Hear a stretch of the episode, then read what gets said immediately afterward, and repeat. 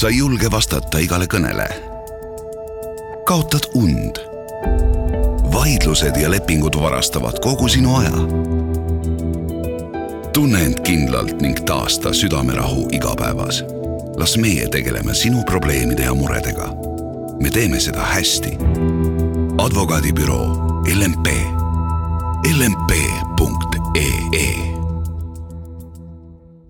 Kuku Raadios välja öeldud seisukohad ei pea ühtima Kuku Raadio seisukohtadega. Te kuulate Kuku Raadiot.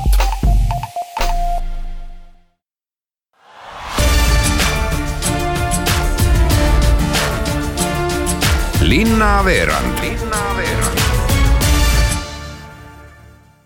tere kõigile Raadio Kuku kuulajatele, mina olen Piret Päiv-Rist ja Viljandi linnaveerandi alguses tuletan teile, head kuulajad, kohe meelde, et teil on veel viimane võimalus esitada kuni kuueteistkümnenda oktoobrini Viljandi linna kaasava eelarve ettepanekuid. oma ettepaneku võite teele saata keskkonnas volis.ee või siis saates ettepanekuga kirja teele aadressil Viljandi Linnu tänav kaks ettepanekuid Viljandi linna paremaks muutmiseks on oodatud üle kogu Eesti aga esimese saatelõigu alguseks on mul teile küsimus. mis te arvate, kas Viljandi linn on turvaline ja kui palju saavad näiteks abipolitseinikud sellele kaasa aidata. küsimuse ajendiks on see, et mõned päevad tagasi omistati viljandlasele Hanno Krischfeldile abipolitseiniku tunnistus ja nüüd on Viljandimaal abipolitseinikke kokku nelikümmend. Hanno Krischfeld hakkab korda pidama Viljandi linnas ning tema abipolitseinikuks saamise lugu on tegelikult lihtne, jätkab Hanno Krischvald. palju aastaid mõtlesin seda omas peas ja Viljandi tubli abipolitseinik andis lihtsalt viimase tõuke ja oligi kõik. mis on sinu ülesanded? mina teen abipolitseinikuga täpselt samasugust tööd nagu päris politseinik. ainus vahe on see, et kui päris politseinikul on see elukutse, siis abipolitseinik on vabast tahtest. miks inimene läheb abipolitseinikuks? Ma ei tule ju tüli otsima sellesse ametisse, pigem ma näen, et see amet on preventatiivne. Ja kuna ma näen, politsei on üldse alamehitatud, siis pisikene abi iga inimese poolt, palun väga. abipolitseinikuna olen ma täpselt samamoodi esindanud Eesti riiki nagu päris politseinik. ma näen oma ülesannet kas või selles, et kui ma olen vormiriides ja kas või kuskil nurga peal, ma kutsun üles nagu korda austama, ka see on juba töö Viljandi politseiosakond saab praegu kaasata oma töösse nelikümmend abipolitseinikku. jätkab Lõuna prefektuuri Viljandi politseiosakonna patrullteenistuse juht Alar Sadam.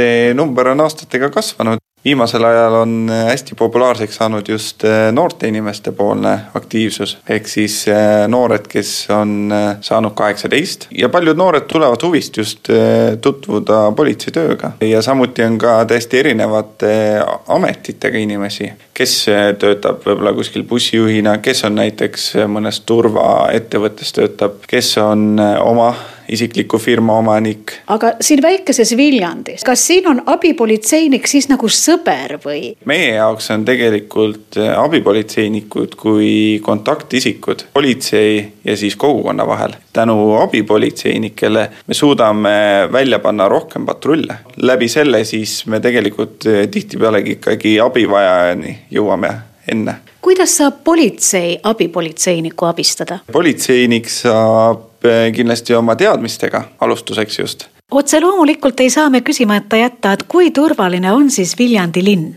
Ja küsime seda Lõuna prefektuuri prefekt Vallo Koppelilt. Ühelt poolt, kui me vaatame sellist kuritegevuse statistikat, siis eh, Viljandi on läbi aastate paistnud silma sellega, et et ta on üks kõige väiksema kuritegevuse tasemega Eestis, aga samas madalam on selline üldine kuritegevuse foon, siis seda tugevamalt võivad kõigutada inimeste turvatundet sellised üksikud juhtumid, mis saavutavad väga suure ja laialdase kõlapinna, kas siis maakonna või, või suisa Eesti tasandil.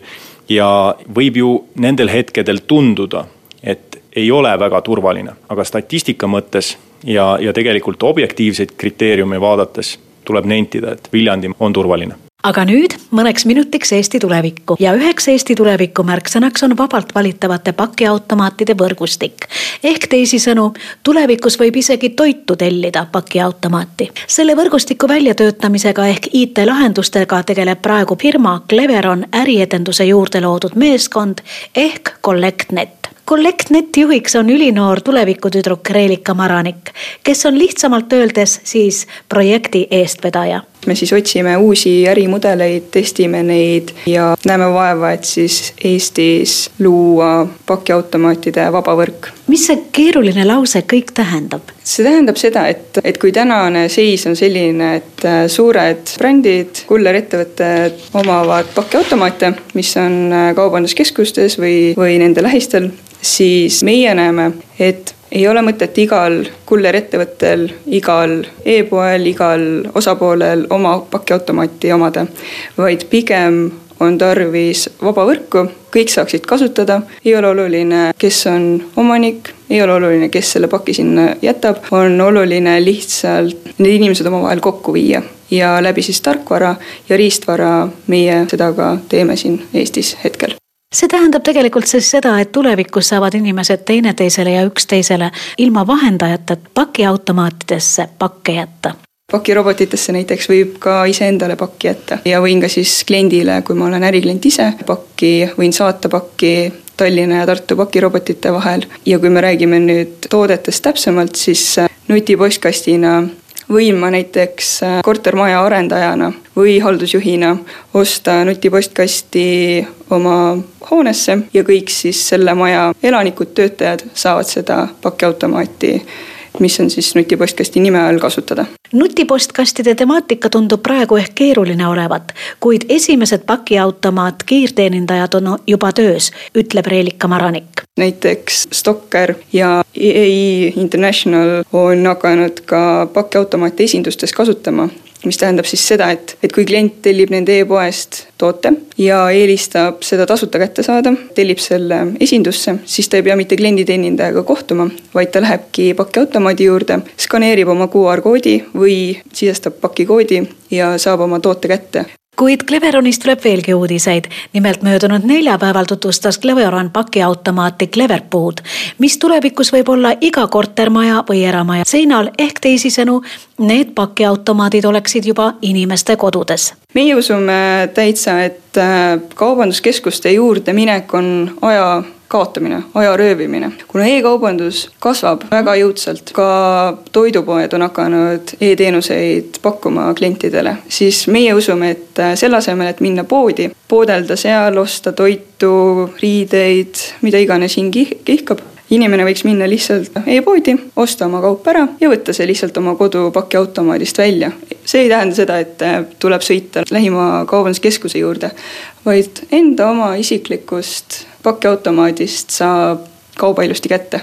See jutt, mida meie siin praegu räägime, tundub omapäraselt ulmeline olevat, aga kas ikkagi on?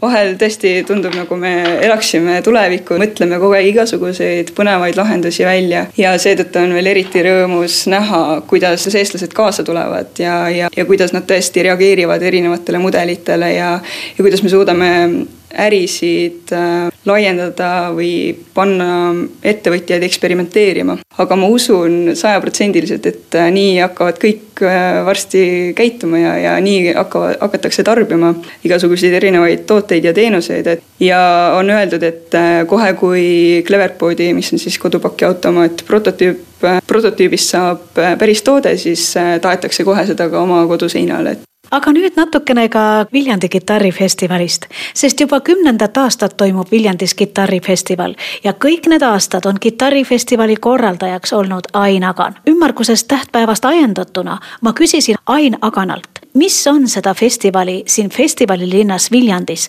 nii-öelda hoidnud? see on nagu elugi, et, et sa elad lihtsalt elu ja, ja ei saagi aru, kuidas see kõik niimoodi kulgeb, loomulikult väga kiiresti teatavasti ja ma mäletan küll, esimesel aastal ma broneerisin pärimusmuusika Aida kümneks aastaks ja siis ma mõtlesin, et ma teen kümme küll ära, et eh, siis vaatame, mis edasi saab. aga ma pean ütlema, et eile ma allkirjastasin järgmise aasta peaesineja lepingu, nii et et midagi ei ole teha.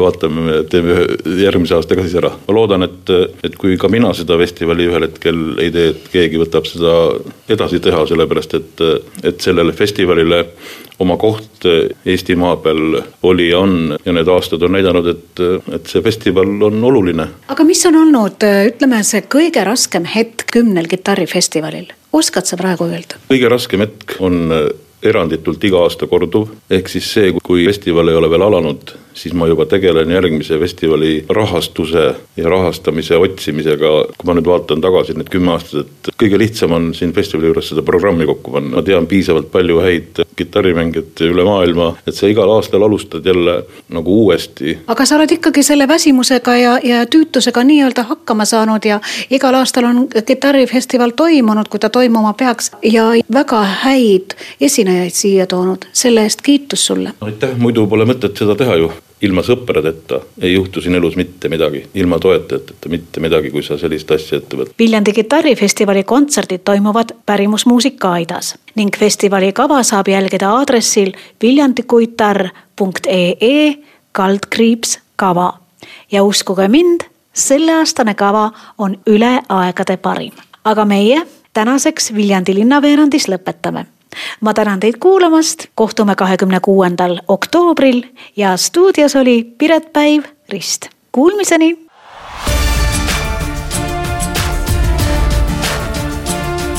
linnaveerand.